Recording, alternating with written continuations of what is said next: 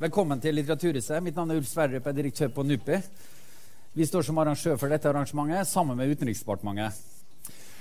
Temaet for dagen er at utenriksminister Søreide varsla i sin utenrikspolitiske redegjørelse i vinter at hun ville lage en stortingsmelding om Norges rolle i det multilaterale systemet.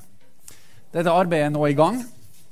Og I dag får vi høre mer fra utenriksministeren om hvorfor man skal ha en melding, og hva som er målet med meldinga, og hvilken type prosess det legges opp til. Og vi vil diskutere det med stortingsrepresentant Espen Barth Eide, som også er tidligere forsvarsminister og tidligere utenriksminister. I tillegg kan man si en viktig stemme i debatten om norsk utenrikspolitikk, også tidligere forsker ved NUPI. Min oppgave er å være ordstyrer. Eh, mot slutten av debatten, som vi tenkte kommer til å vare i en times tid, vil vi åpne for innspill fra salen. Planen er at vi skal avslutte ca. halv to. Før jeg setter i gang, la meg komme med to veldig enkle betraktninger. For det første, det åpenbare, som Lars Korvald sa, Norge er et ganske lite land. Eh, men samtidig, vi er i forandring. Vi er ikke så små som alle liker å tro. I folketall er vi nummer 118 i verden. Vårt areal er nummer 68 i verden. Tar vi med havområdene, så er vi kanskje det syvende største havområdet i verden. Norge er verdens 28. største økonomi. Verdens nest største eksportør av sjømat. Verdens nest største eksportør av, eksportør av gass. Og Norge er på listen over de ti viktigste bidragsyterne til FN og multilaterale organisasjoner i absolutte tall. Hvis vi tar per capita, så er nesten 400 dollar fra hver av dere inn, betalt inn i systemet hvert år. Svenskene, som ligger på andreplass, betaler ca. 230 dollar per år. En gjennomsnittlig franskmann eller canadier eller amerikaner ligger rundt 50. Så Norge er et veldig lite land, men vi er først og fremst veldig eksponert for og avhengig av det internasjonale. For vår sikkerhet så vil mange av oss mene at Nato er viktig. For økonomi og politisk samarbeid med Europa så vil EU og EØS være viktig. Internasjonal rett ikke minst havretten, avgjørende for vår rett til ressurser og vår rett til å utnytte de ressursene. Avtaler om klima, migrasjon, helse, fattigdom er avgjørende for å håndtere globale fellesutfordringer. Og som du alle vet, eller burde vite, ca. 17% av statsbudsjettet i fjor kom fra inntekter fra Statens pensjonsfond utland, som har investert internasjonalt. Så Norge er i forandring. Jeg kunne sagt også demografisk. For det andre punktet mitt den verden vi trodde vi kjente, finnes ikke lenger. Eller den er ikke som før. Internasjonale orden er i endring. Makt og innflytelse flyttes. Mer friksjoner i internasjonale systemet. På et nivå er Trump en årsak, kanskje, men han er også et symptom. Internasjonale institusjoner sliter med å fatte effektive og legitime beslutninger. Og vi ser at internasjonal rett på enkelte områder erstattes av maktbruk og interessesfærelogikk. Og innad i mange land er skeptisk, skepsis til internasjonale institusjoner. Internasjonalt forpliktende samarbeid. Hele ideen om at gjensidig avhengighet bringer fred og velstand, er egentlig utsatt og til diskusjon. Vi ser mange steder fremvekst av nasjonalisme, proteksjonisme, ønske om sterkere nasjonal kontroll. Men bildet er jo ikke entydig. Uh, mye går også bra i verden.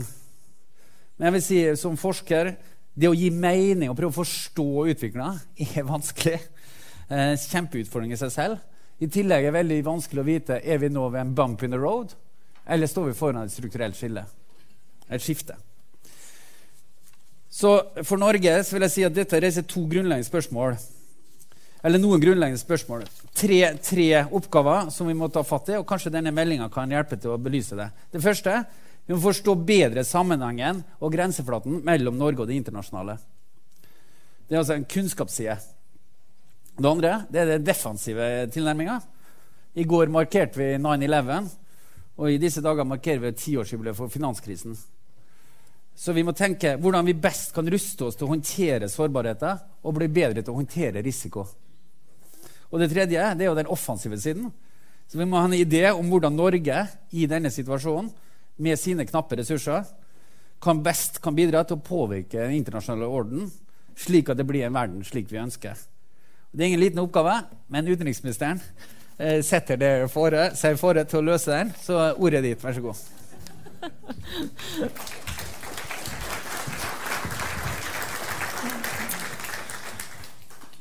Det må jeg si var litt av en introduksjon. Det er veldig hyggelig å se at så mange har kommet hit. Og det tror jeg bærer bud om at det er stor interesse for denne problemstillinga. Og det enkleste i verden for en utenriksminister å si, er at uh, verden er omskiftelig, den er kompleks, den er uforutsigbar. Og så konstaterer vi nettopp det. Men det er ikke nok. kjære venner. Vi er nødt til å finne ut av hvordan Norge skal manøvrere i det landskapet, og hva vi gjør med det. Og når vi nå snakker om internasjonale institusjoner og internasjonalt samarbeid under press, og det at det er vanskeligere å skaffe konsensus eh, rundt omkring om det å i det hele tatt samarbeide, så syns jeg det kanskje er verdt å merke seg Espen og jeg snakka litt om at det er kanskje ikke så veldig mange andre land at eh, både Høyre og Arbeiderpartiet, eller da eh, regjeringsparti og opposisjon, tar denne debatten sammen og samtalen sammen. Så vi syns i grunnen det i seg sjøl er et ganske godt bilde på samarbeid. Eh, hele poenget med dette og starten på dette arbeidet, det er å spørre hvilke konsekvenser har det for Norge at verden ser sånn ut? Og hva er det vi kan gjøre med det? Regjeringa har jo da beslutta å legge fram denne stortingsmeldinga som Ulf nevnte. Og Den handler om Norges rolle i det multilaterale systemet. Og jeg kan tenke meg at her inne i salen og et par andre steder så banker hjertene når de hører at det skal legges fram en stortingsmelding. Eh, det er ikke så mange andre steder, men eh, jeg tror, tror jeg kan si sånn at Espen og jeg tar det til oss at det å legge fram en stortingsmelding blir sett på som, som bra. Det kommer også til å bli fulgt opp med eh, en lang rekke annen aktivitet, som f.eks. rundebords- og ekspertmøter i løpet av denne måneden. Eh, og ikke minst det også å fange opp den interessen dette arbeidet har internasjonalt. Både i Tyskland, i Sverige, i Jordan, for å nevne noen steder, så er det stor interesse for dette. Så jeg skal da prøve på noen ytterst få minutter i et slags Twitter-format, om du vil. Det er jo ikke en, en arena jeg kjenner spesielt godt. Men eh, prøve å dra gjennom tankegangen eh, bak det arbeidet arbeidet vi er i gang med. Grunnen til at vi gjør det, kan man egentlig si er todelt. Det ene er at vi må manøvrere i den stadig mer komplekse verden. Det andre er at vi må mobilisere støtte for det å samarbeide. Ingen av delene er spesielt enkle i dag, men hvis ikke vi mobiliserer for felles verdier, felles interesser og samarbeidsformer, så er det ikke så veldig mange andre som gjør det. Vi må gjøre denne jobben sjøl. Den liberale verdensorden, det forpliktende samarbeidet som er bygd på ruinene av to helt ødeleggende verdenskriger, er nå under betydelig press. Vi må håndtere og være forberedt på å håndtere større politiske og større verdimessige svingninger også blant våre nære allierte. Og Paradokset er altså i en tid hvor vi trenger mer forpliktende internasjonalt samarbeid, så opplever vi at det blir mindre av det, og oppslutninga om det blir dårligere. Et eksempel som er høyaktuelt. I dag er det veldig mange, særlig de som jobber aktivt med menneskerettigheter, som snakker om at man ikke må finne på å åpne konvensjonene igjen for å forbedre dem. I stedet må vi jobbe knallhardt for å bevare de framskrittene og de rettighetene som er oppnådd. Det trodde jeg kanskje ikke vi kom til å oppleve i 2018, men sånn er situasjonen. Så vi bruker nesten mer tid på å unngå tilbakeslag enn å drive framskritt. Eller sagt på en annen måte jobbe mer for det vi har, enn det vi burde ha hatt. Målsettinga og målet er at stortingsmeldinga skal klargjøre norske interesser i multilateralt samarbeid. Den skal bidra med forslag til hvordan vi best kan bruke eh, ressursene våre inn i samarbeidet. Og gi svar på hvordan Norge kan ivareta våre egne interesser og de globale fellesinteressene. Vi tar jo viktige initiativ allerede. Eh, for de av dere som ser rundt dere når lyset etter hvert kommer på, så vil dere se at eh, det er lett å plukke ut UD-medarbeiderne, for de har rosa bånd rundt halsen. Eh, det er ikke en sånn ny merketeknikk fordi vi har fått kvinnelig utenriksminister at alt skal være rosa. Men det er liksom sikkerhetsrådskandidaturfargen vår. Så det er et av initiativene vi gjør, nemlig at vi ønsker å komme inn i Sikkerhetsrådet. Det andre er at statsministeren har etablert et internasjonalt havpanel som også fordrer stor grad av globalt samarbeid. Vi ser at det er behov for å gjennomgå den multilaterale politikken og vi ser også at nettopp fordi verden ser ut som han gjør, så er det viktig å forankre det arbeidet utover dem som jobber med multilaterale spørsmål hver dag. Det trengs en større samfunnsdebatt om disse tingene. Det kommer til å være to deler. En analysedel som sier noe om hva som skjer med det multilaterale systemet. En politikkdel som forteller noe om eh, hva utviklinga har å si for Norge og for norsk politikk. Og Der blir det status, og det blir gjennomgang av virkemidler eh, osv. Men så kan man da spørre hvorfor bruker vi mye energi på det der? Hvorfor er det multilaterale systemet så viktig for verden? På, et, på en måte kan man si at selv om systemet i seg sjøl har en egenverdi, så er det jo også funksjonene systemet støtter, som kanskje er det aller viktigste. Tilsynelatende tenker de fleste at det er små land som har mest å tjene på at det multilaterale systemet fungerer. Men det er bare på kort sikt. På lang sikt er alle helt avhengig av at det fungerer. Det multilaterale systemet har jo også mange ulike roller og oppgaver, men det å være møteplass og problemløser er blant de viktigste. Vi ser også viktigheten av det multilaterale systemet som normgiver. Selv om ikke alle har like stor respekt for eh, de universelle menneskerettighetene, så setter det likevel standarder som land blir målt opp mot. Regelmaker. Her eh, kan vi jo trekke fram eh, WTO som et godt eksempel idéprodusent og eh, kunnskapsleverandør. Vi ser at det multilaterale systemet både iverksetter og gjennomfører og er tvisteløser. I det internasjonale domstolssystemet eller eh, WTO eh, kan her brukes som eksempler. Så var Ulf litt inne på hva som skjer i verden, og hva, er, hva er de store endringene. Og Jeg skal ikke bruke mye tid på det, men trekke opp et par dilemmaer og problemstillinger. Det ene er maktforhold i endring. Og Det handler om maktforskyving. Eh, som, da, som vi jo for så vidt har sett over noe tid, fra vest mot øst og fra nord mot sør. Men det handler også om at oppslutninga om forpliktende internasjonalt samarbeid hos mange av våre nære allierte er på vei ned. Og det får selvfølgelig noen konsekvenser for oss.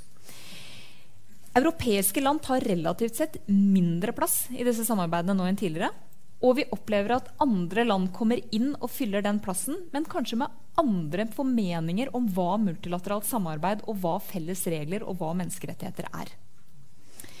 Så et vesentlig spørsmål å stille, det er hvilke land skal bære det multilaterale systemet?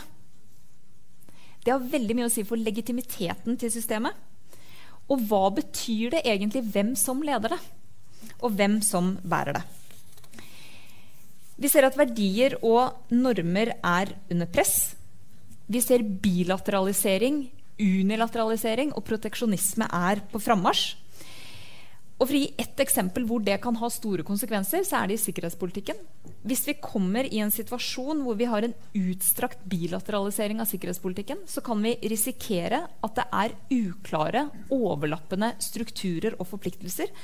Sånn at situasjoner i stedet for å deeskalere, kan eskalere.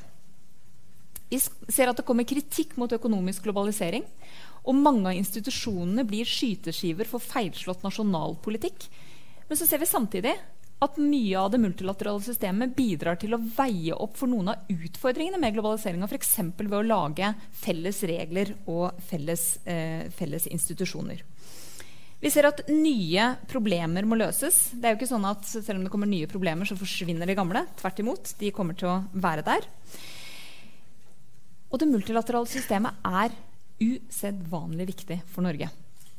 Havretten og EØS-avtalen er kanskje to helt vesentlige eksempler å bruke. Vi bruker det multilaterale systemet for å legge grunnlaget for vår egen sikkerhet. som ett eksempel. Vi ser hvor avgjørende det har vært for vår egen ressurspolitikk og ressursforvaltning. Og så er norsk økonomi helt avhengig av en velfungerende verdensøkonomi. Ikke bare økonomien i våre nærmeste naboland. Husk at Vi eksporterer mesteparten av det vi lager.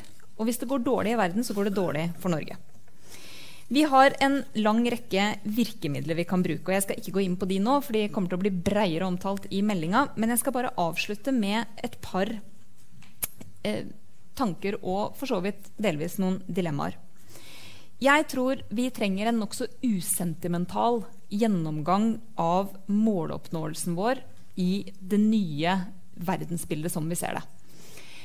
Eh, og vi må identifisere utfordringene, vi må se hvilke konsekvenser de har, og vi må se hvordan vi best kan jobbe. Også med andre partnere enn det vi kanskje har gjort før. Vi må være nøkterne og realistiske. Det kommer til å finnes en haug med problemer Norge ikke kommer til å klare å løse.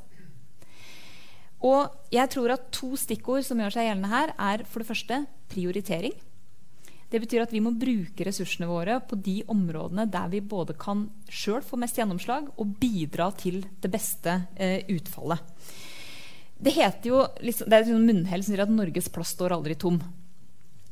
Men det er klart det er bra, det vitner om innsatsvilje og engasjement. Men noen ganger er det kanskje riktig at Norges plass står tom fordi at ressursene våre er bedre brukt et annet sted.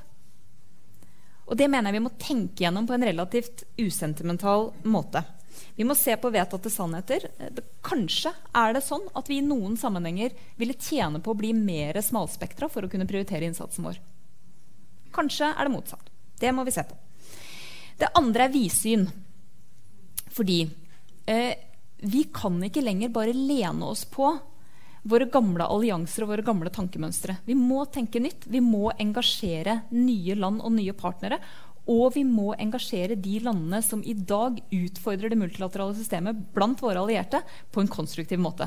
Det er ikke noe alternativ å utelukke en diskusjon med USA om handel fordi de er eh, ja, opptatt av at WTO ikke fungerer godt. Det er det mange som er. Poenget mitt er bare at vi må engasjere konstruktivt. Jeg tror at vi må erkjenne Historien kommer til å fortsette å påvirkes av politiske valg. De valgene er det vi som tar. Historien kommer til å fortsette å overraske. Og er det én ting som er sikkert, og det var en av årsakene til at jeg gjerne ville ha Espen med hit, som tidligere forsvarsminister og tidligere utenriksminister Jeg har tenkt å være utenriksminister litt til. Eh, men eh, ja. Men både Espen og jeg har stått og står i mange dilemmaer hele tida. Og det jeg tror erfaringa vår er, er at vi sjelden eller aldri blir presentert for ideelle opsjoner. Vi får valget mellom mer eller mindre dårlige løsninger. Men vi er nødt til å velge, fordi det å ikke ta et valg er også et valg som har konsekvenser for Norge og for norske interesser. Vi kommer til å fortsette å møte de dilemmaene. Og nettopp derfor er det så viktig at vi bruker det arbeidet her til å bli enda flinkere til å manøvrere og enda flinkere til å mobilisere. Takk.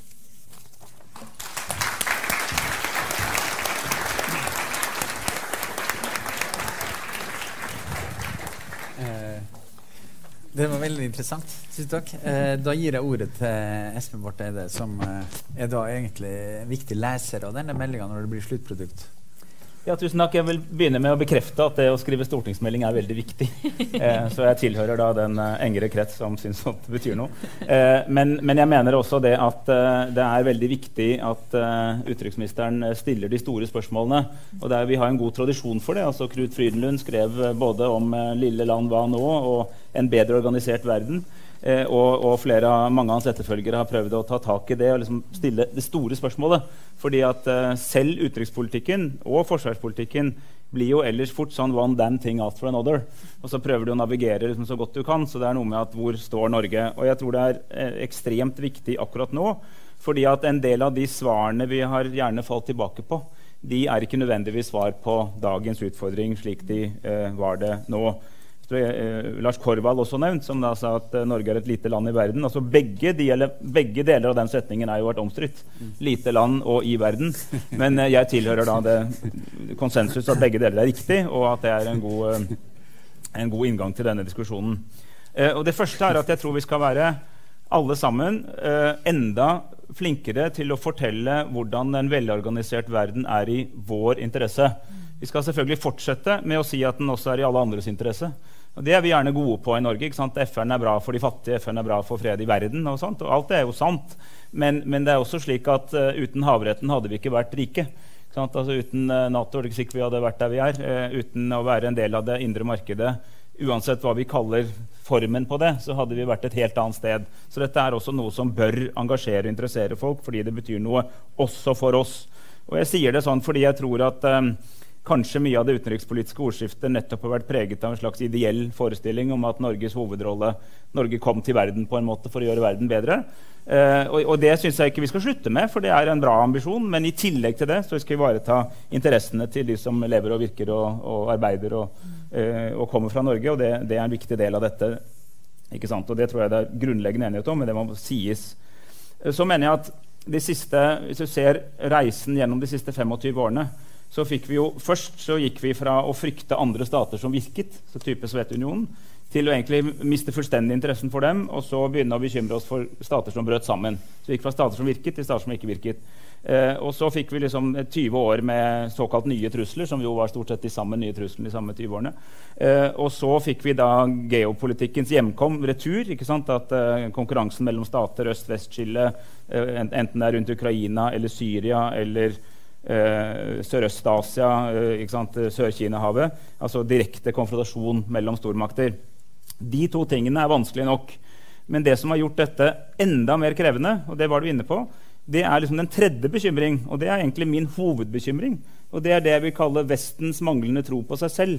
Altså det, det, som tross alt har vært kjernen da, i å prøve å bygge en universell oppslutning om menneskerettigheter, demokrati, eh, regelstyrt frihandel, eh, internasjonalt samarbeid, har selv begynt å tvile. Og selvfølgelig med den amerikanske presidenten i spissen, men ikke, det er jo ikke en tilfeldighet at plutselig så kom Trump. Det er jo uttrykk for et, dypere, det er et symptom på en dypere trend. Og vi ser den også i Europa og mye nærmere oss. Det bare blir så veldig tydelig på Twitter om dagen, men det er liksom en dypere utfordring. Og det er en fremvekst av uh, populisme, av nasjonalisme, av uh, selvopptatthet, altså meg først, enten det er Amerika først eller Trinidad og Tobago først. Altså, men alltid meg først. Uh, og, og som, som, vi må både bekjempe og ta avstand fra, men også forsøke å forstå beveggrunnene til. Uh, og jeg tror litt av vår egen norske historie også gir litt av svaret. Og dette, det jeg sier nå, er ikke at alle land skal kopiere Norge. Det, det virker ikke. Men det er som én viktig erkjennelse.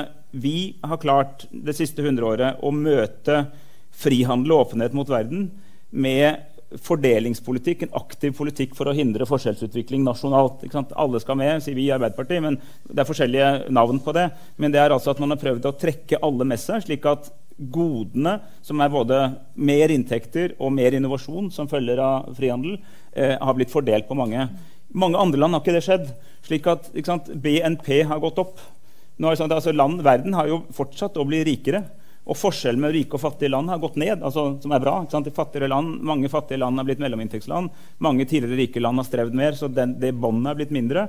Men forskjellene i landet har økt. Og de som har utnyttet det best, er jo da dessverre de som har kommet med en sjåvinistisk Det er de andres skyld, det er utlendingers skyld. og sånn.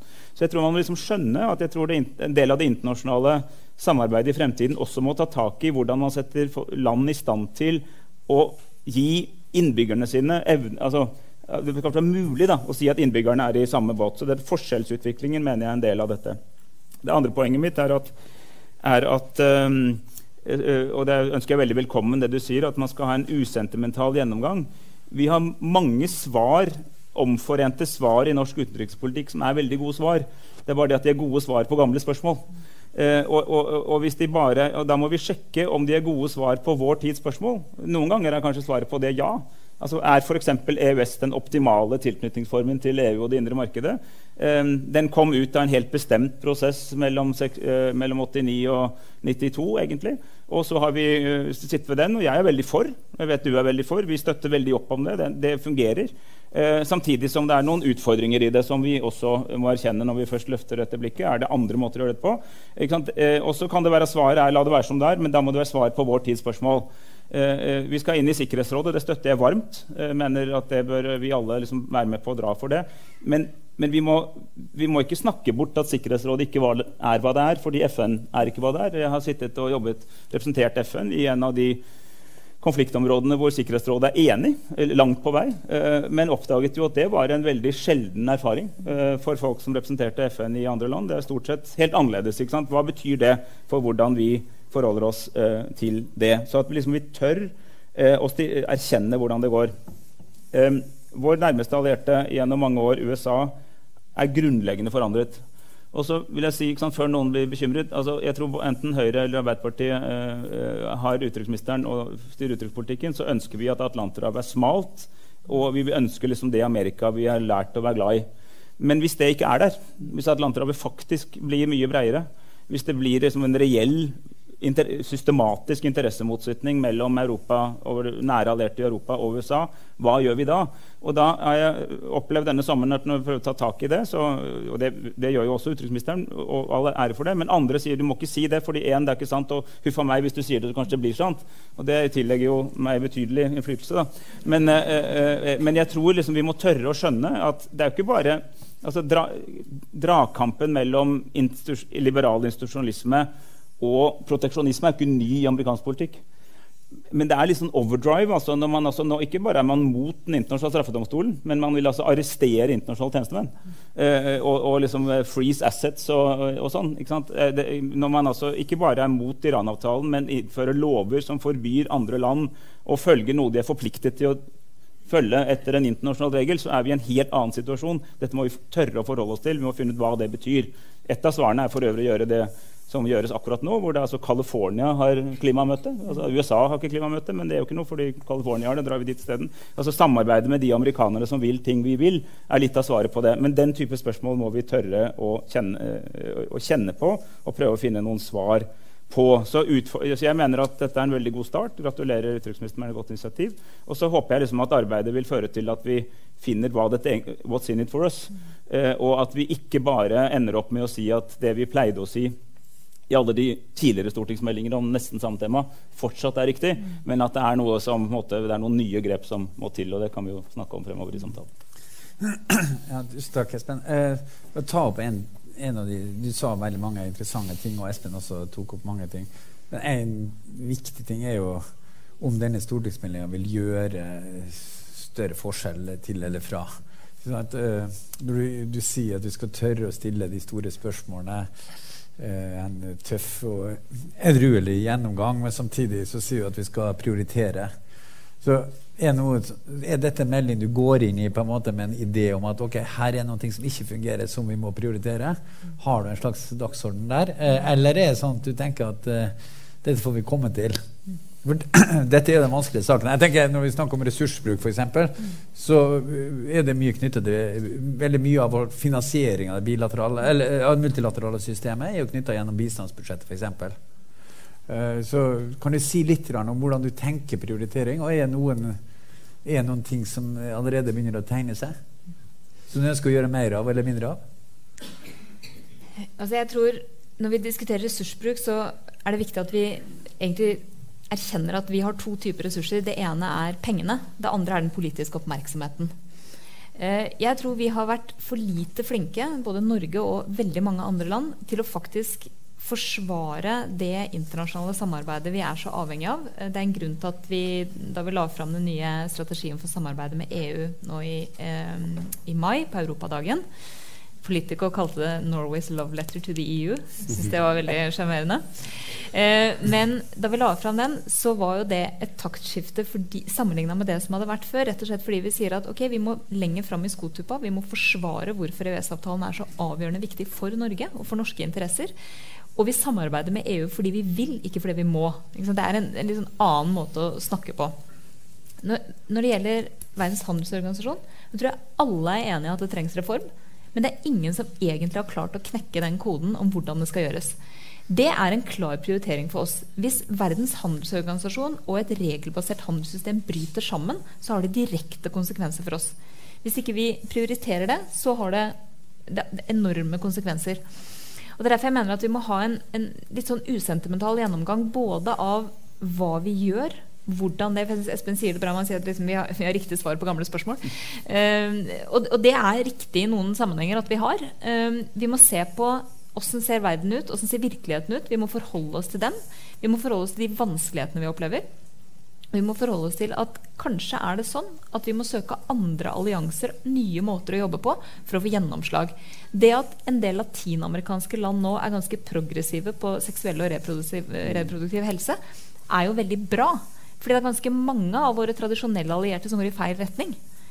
Og da kan ikke vi bare by default holde fast ved den gamle måten å jobbe på hvis det viser seg at nye måter er bedre.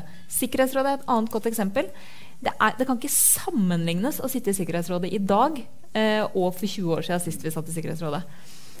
Jeg tror vi bare må erkjenne at det blir en utrolig tøff runde hvis vi blir valgt inn. Det blir ikke noe dans på roser i det hele tatt. Vi kommer til å bli stilt overfor haugevis av dilemmaer. Men det er nettopp derfor jeg mener vi må jobbe med å tenke på strategier for hvordan vi skal håndtere det. Uh, og jeg tror at veldig, veldig mye av det vi tidligere har tenkt og tidligere har jobba med uten at liksom alt, Det er ikke sånn at alt det har vært feil, snarere tvert imot. Det er jo, hver tid har sine greier. Men, men vi er veldig fiksert på pengene våre, uh, for å si det litt uh, brutalt.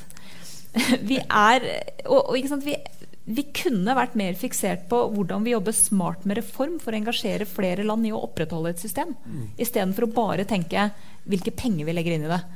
At vi har engasjert oss veldig i FN-reform, er jo først og fremst fordi vi ønsker å styrke FN og opprettholde FN. Og hvis ikke vi tar det, altså hvis ikke vi tar det løftet og, og, går litt foran og stikker fram nesa, så er det ikke så mange andre som gjør det. Og Det er i hvert fall den erfaringa jeg har gjort meg gjennom nå, ja, fire-fem år. Uh, at vi må faktisk, enten det er i Nato, eller det er i FN, eller det er WTO, eller hvor det enn er, vi må faktisk også bruke de ressursene vi har som ikke handler om penger. Mm. Jeg er helt enig i det. Jeg vil si at Vibe Nupi jobber i Vi trenger ikke penger, dere heller? Nei, ja, men, jo, ja. men det som jeg, jeg synes er veldig spennende altså Norge er en ganske liten økonomisk bidragsyter til fredsbevarende operasjoner. Men gjennom forskningsmiljø og andre ting så er man med å hjelpe til å endre hvordan disse operasjonene utformes. Gjør dem mye mer effektive. Eh, så, så det med ganske små ting så kan man oppnå ganske mye for å gjøre systemet bedre. Jeg tror En viktig inngang i dette må jo være å identifisere de systemsvakene som faktisk finnes, og gjøre noe med dem. Uh, uh, men en liten fotnote. Det, er at det, som er viktig for Norge, trenger jo ikke være de områdene vi har mest mulighet til å påvirke. Nei. Uh, og de områdene vi har mest mulig til å påvirke, jeg trenger ikke å være viktige i det hele tatt. Mm. Altså Det er jo en veldig vanskelig avveining når man skal prioritere. Mm. Uh, men uh, det er en vanskelig oppgave. Kjempeoppgave dere satte dere for dere. Det skal alle mulige sektorer, alle mulige internasjonale system. Så har jeg et litt sånn kjedelig spørsmål knyttet til avgrensningsproblematikken. Hva er det som faller utenfor prosjektet? For, og Det er en viktig side ved slik dynamikken i internasjonal politikk er at uh, det er ikke sånn at det er bare interstatlig samarbeid.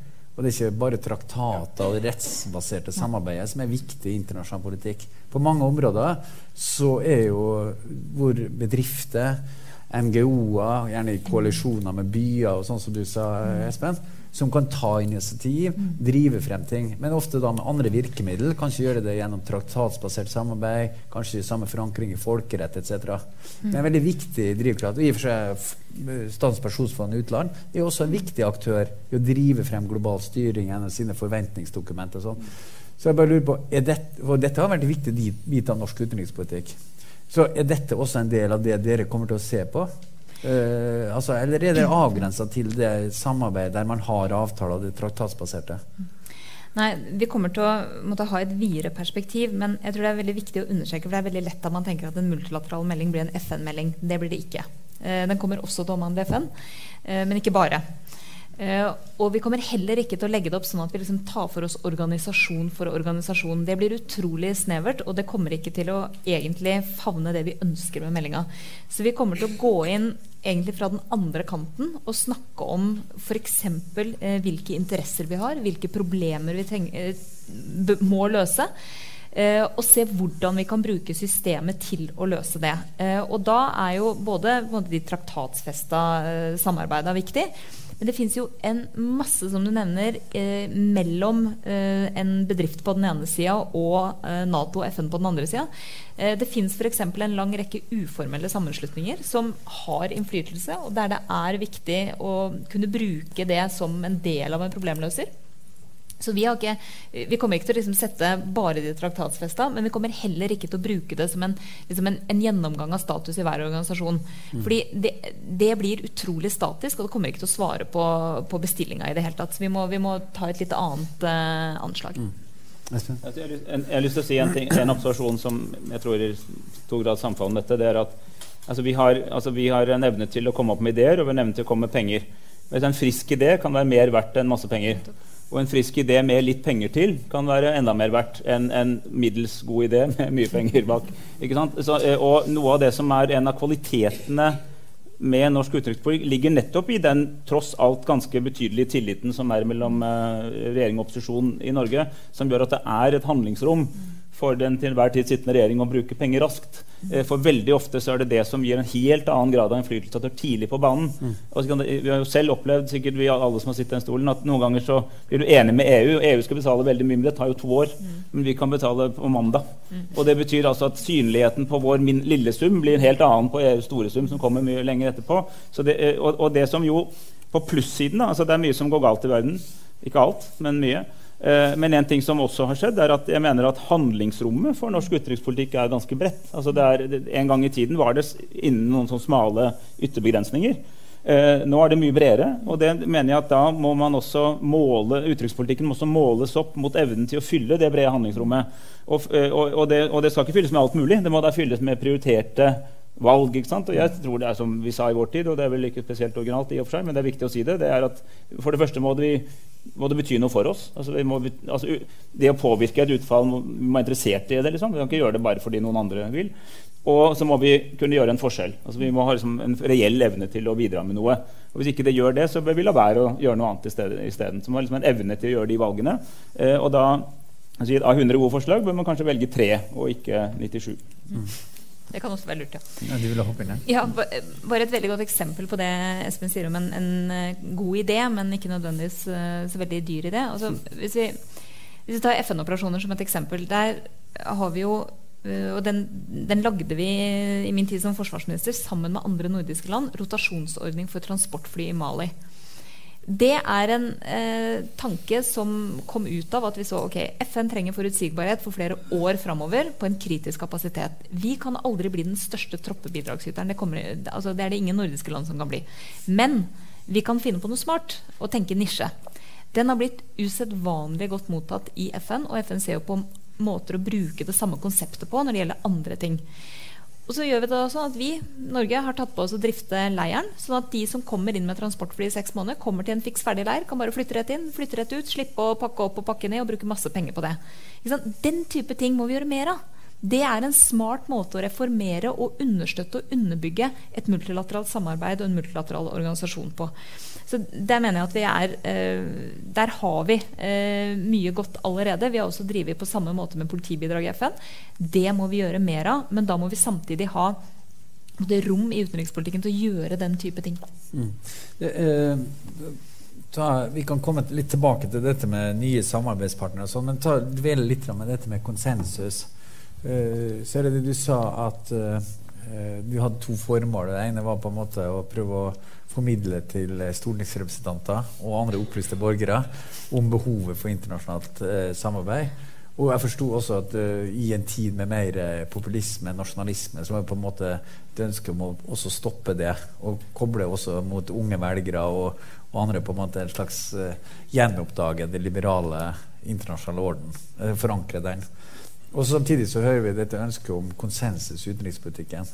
For, for, et års tid siden så gjorde vi en liten studie om nordmenns holdninger til utenrikspolitikk. Mm. Og Det er interessant. Det er to, to, ting som i hvert fall er verdt å merke seg. Og Det ene er at eh, velgere på venstresiden ser helt annet trusselbilde enn velgere på høyresiden. Velgere på venstresiden er opptatt av klima, epidemi, Uh, den type ting. Mens velgere på høyresiden er særlig bekymra for innvandring, terror, mer sikkerhet. Sånn klassisk sikkerhetspolitikk. Så det er det ene. Det, de ser ulike trusler. på en måte. Det andre, Så de ser en annen verden. Og det andre er at de vurderer ve veldig stor forskjell på å vurdere om trusselen som høy eller lav. Uh, mens folk på venstresiden i Norge stort sett vurderer trusselnivået som veldig lavt, så vurderer folk på høyresiden trusselnivået som høyere og noen på den ytre høyre side vurderer trusselnivået som veldig høyt. Mm. Uh, så, uh, så, jeg bare lurer på I denne nye verden som dere skal skrive om, tror dere det er mulig å opprettholde konsensusen? Vil, denne, vil vi få mer konflikt om norsk utenrikspolitikk? når dere på en måte stikker hånda inn i vepsebordet her egentlig, og stiller kritiske spørsmål om mange ting? Mm. Jeg tror det er sunt i seg sjøl å stikke hånda i vepsebordet av og til. Det kan være smertefullt, men uh, det kan også være nødvendig. Rett og slett fordi vi, vi må hele tida vurdere om vi har de riktige virkemidlene, om vi, om vi tenker riktig. Og det skal jo ikke være liksom en nasjonal kollokvie eh, om Nei. vi gjør det. Eh, fordi at det er klart, Som regjering så sitter du nødvendigvis på en hel del mer informasjon enn andre gjør for å ta de beslutningene du skal. Og sånn må det være. Men, men jeg tror at vi jeg tror kanskje måten vi EØS eh, som eksempel igjen. Vi har jo egentlig glemt hvordan det er å forsvare EØS-avtalen. For vi har trodd at den har unison oppslutning fra den ene til den andre politiske kanten. Og så opplever vi da at den kanskje ikke har det på samme måte som vi har trodd. Og så, vi, så kjenner vi litt at i møte med det så blir det vanskelig å, å diskutere og manøvrere. Og vi opplever at det blir en veldig følelsesstyrt debatt tidvis. Det, man liksom kommer med fakta som ikke liksom får klangbunn osv. osv. Og Det tror jeg vi kommer til å oppleve i flere sammenhenger. Og da tror jeg det er bedre at vi, at vi har tatt en del av disse debattene om, om liksom, hva skal Norges rolle i verden være. Hvordan skal vi ivareta våre interesser på best mulig måte. Og så må vi igjen da sant, prioritere noen områder hvor vi mener det er avgjørende viktig å ha konsensus. F.eks. så mener jeg at konsensus om EØS-avtalen er kjempeviktig. Jeg mener at konsensus om verdien av havretten er utrolig viktig konsensus om vår sikkerhetspolitiske tilknytning er helt avgjørende. Det er noen, noen grunnstolper som jeg mener er der, uavhengig av om man ser trusselbildet litt på den ene eller andre måten, og om man er litt for eller mot ulike direktiver. Men de grensestolpene de er helt avgjørende for norske interesser. Og, og svikter det, så har vi en større utfordring. Mm. Det er jo helt riktig at uh vi, glemt, vi, glemte lenge hvordan man argumenterte for EØS-avtalen. Jeg fikk anledning til å øve, friske opp kunnskapene litt i, i, vår da vi hadde debatten om EUs tredje energimarkedspakke, som jo er den nye utgaven av Dyret i åpenbaringen. Eh, men, men, som også egentlig var en litt sånn eh, Det, det ble litt sånn deltakende observasjon i hvordan ordskiftet også i Norge har endret seg. Fordi altså, Uenighet om sånne spørsmål er jo ikke bare, det er jo ikke noe nytt i det, og det er, har vi hatt mange år, men intensiteten, dybden og fiendskapet liksom, og, og liksom, hatet som ble mobilisert i forhold til et såpass relativt teknisk spørsmål, eh, eh, var ganske voldsomt. Og, og, og, egentlig litt sånn forvarsel om ting som kan komme. Og i, de, i den forstand er jeg, enig, jeg, jeg, jeg er enig i det utenriksministeren sier. Bare presisere at vi må ikke ha lammende konsensus. Altså, vi må ikke tilstrebe en enighet for enighetens skyld, hvor altså reelle uenigheter feies under teppet for det er så fint å være enig. Liksom. Det, altså det, er viktig å ha et dynamisk ordskifte om man får lov å si nye ting. Eh, men når det, når det, nå engang er sånn at det er eh, en god del ting man kan være enige om på tvers av the ale, som du ville sagt. Det. Vi har ikke det i Stortinget, da, men liksom metaforisk. Så, så, eh, så, er det også en kvalitet ved Norge som vi skal være glad for at vi har. Og Jeg tenker at jeg har vært gleden av å være både utenriksminister og forsvarsminister med Ine Eriksen Søreide som leder av utenrikskomiteen. Og den, altså den, den, institusjonen og det at man kan komme i et lukket rom og liksom drøfte ting, det betyr jo ikke da, at de andre liksom gir altså Det er jo ikke sånn at du vedtar utenrikspolitikken der, men det er altså at man liksom, du, Dere har hørt eller vi nå, da, dere da, som har hørt hva regjeringen tenker, og fått litt tilbakemelding og vet litt mer hvor landet ligger. Det er en kjempefin kvalitet som, som jeg tenker et lite land i en opprørt verden skal ha. Men bare advare mot å gi inntrykk av at det nå skal være illegitimt å mente andre ting enn det Høyre og Arbeiderpartiet er enige om. fordi det tror jeg ikke ville komme noe særlig godt ut av.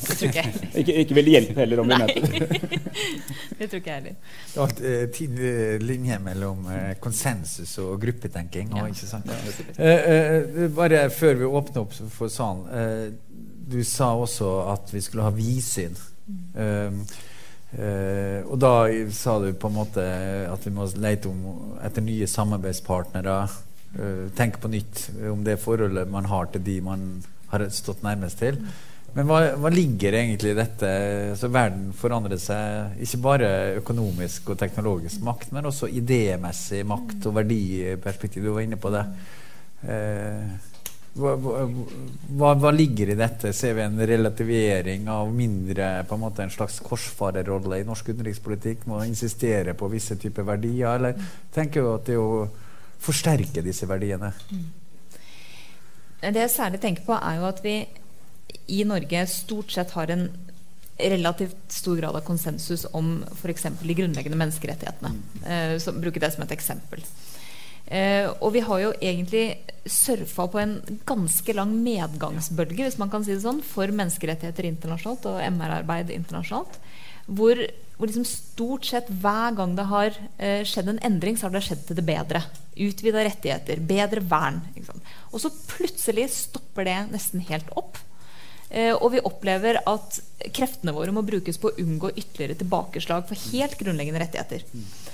Eh, og det vil jo også være sånn at en del av de nye aktørene som kommer på banen, legger helt andre ting i hva en menneskerettighet er, og hvilken verdi og gradering den har, sammenligna med andre ting, som f.eks. økonomiske rettigheter eller, eller andre ting som man kan se for seg.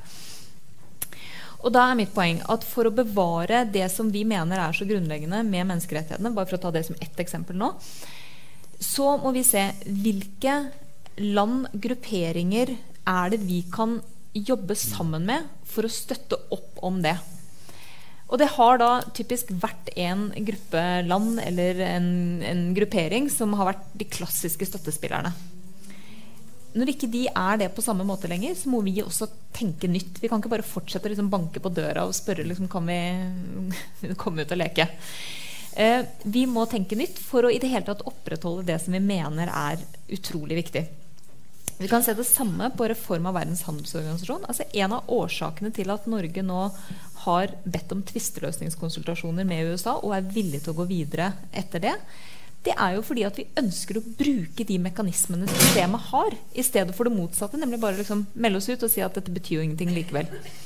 Uh, og jeg tror at det, en, det, ligger en viktig påminnelse i det også, at når enkelte land nå er mer progressive enn de var på en del rettigheter og en del ting som er viktig for oss, så skal vi bruke den anledningen. Men vi må samtidig skjønne at når vi snakker om menneskerettigheter, hvis vi bare holder oss til en snever vestlig krets, så kommer vi til å gjøre liksom, dette arbeidet en stor bjørnetjeneste, fordi at det er ikke sånn verden ser ut lenger. Og det, Da kan vi risikere å heller få større liksom, tilbakeslag hvis vi bare tenker at dette er liksom en vestlig idé eller en nordisk idé, hvis den ikke forankres i no, altså noe annet sted. Um, men samtidig så kan vi jo ikke, selv om USA nå har trekket seg fra MR-rådet og Island har kommet inn i isteden, så kan jo ikke vi slutte å engasjere USA i MR. Det ville jo være galskap. Mm. Og det er fantastisk gode MR-miljøer i USA. MR-forsvarere, andre som vi jobber veldig aktivt sammen med, og USA som har sagt at vi kommer til å fortsette på MR-agendaen. Men det var ingen som var villig til å reformere MR-rådet på den måten vi ville. selv om jeg tror alle er enige at også der trengs reform. Så da trekker vi oss ut. Men tenk hvis vi nå bare skulle skyve USA vekk og si at nå er dere den store stygge ulven. Det ville være forferdelig dårlig strategi for å nettopp fremme de verdiene vi er så opptatt av. Mm. Men vil du på en måte tilsvarende ta MR på dagsordenen i forhold med Kina f.eks.? Men det gjør vi jo. Ja. Og det har vi jo som en del av den bilaterale dialogen. Ja. Mm. Um, det, det, dette er jo igjen veldig enig i. Altså, jeg nevnte også klima som et annet mm. arbeid. Det, det, er uendelig mange miljøer, og, også med mye innflytelse og makt i USA, både i stater og i, og i uh, bedrifter og sånn, som er veldig engasjert. Og det er nesten enda viktigere å snakke med de. og det som MR Jette Christensen sitter her, og flere av oss er med i Europarådets uh, parlamentariske forsamling den organisasjonen ble jo liksom bare mye viktigere. Mm. fordi at hvis, ikke, hvis, du ikke holder orden på menneskerettigheter, demokrati, rettsstatsprinsippene i Europa, så tror jeg ikke de dukker opp igjen et annet sted. Altså tror, hvis, hvis, Europa går til grunne, så er det ikke sånn at plutselig så blir Kina veldig liberalt og kommer og lærer oss om, om å sette individenes rettigheter først. Eh, så jeg, jeg, Det er noe med å ta den kampen også hjemme. altså Vi skal gjøre det globalt, der de møter, men også sørge for at liksom, ur det kontinentet hvor mange av disse ideene vokste fram, da, i, i hvert fall klarer å leve opp. Og det er en reell utfordring. Jo, vi snakker mye om, med god grunn om Putin, men det er også betydelig lenger vest hvor dette nå settes i spill, også steder du ikke hadde ventet det.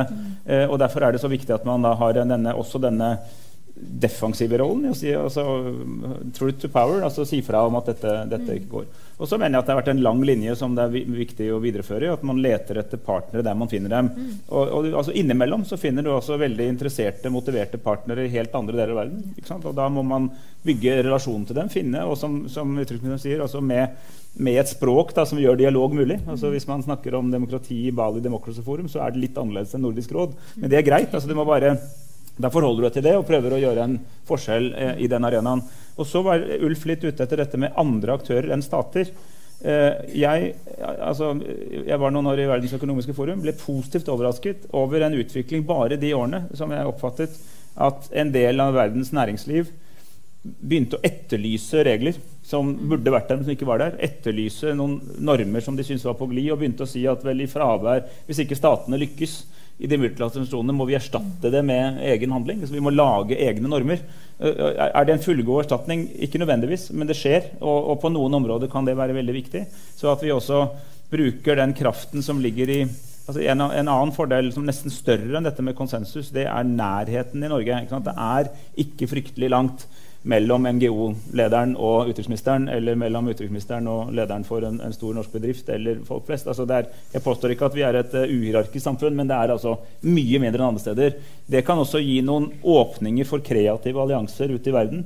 Hvis man, hvis man får fellesinteresser og mobiliserer dem der ute. og Det har vi eksempler på. og Det tenker jeg også er noe du og de som skal bistå med å skrive dette, bør tenke på. altså Hvordan kan du finne helt andre typer allianser? altså Ikke bare, net, ikke bare lete etter nye land som erstatter de gamle landene, men helt andre alliansepartnere enn vi har vært vant til. Så tusen takk til alle, ikke minst tusen takk til Espen og til uh, utenriksministeren for invitasjonen og deltakelsen. Tusen takk.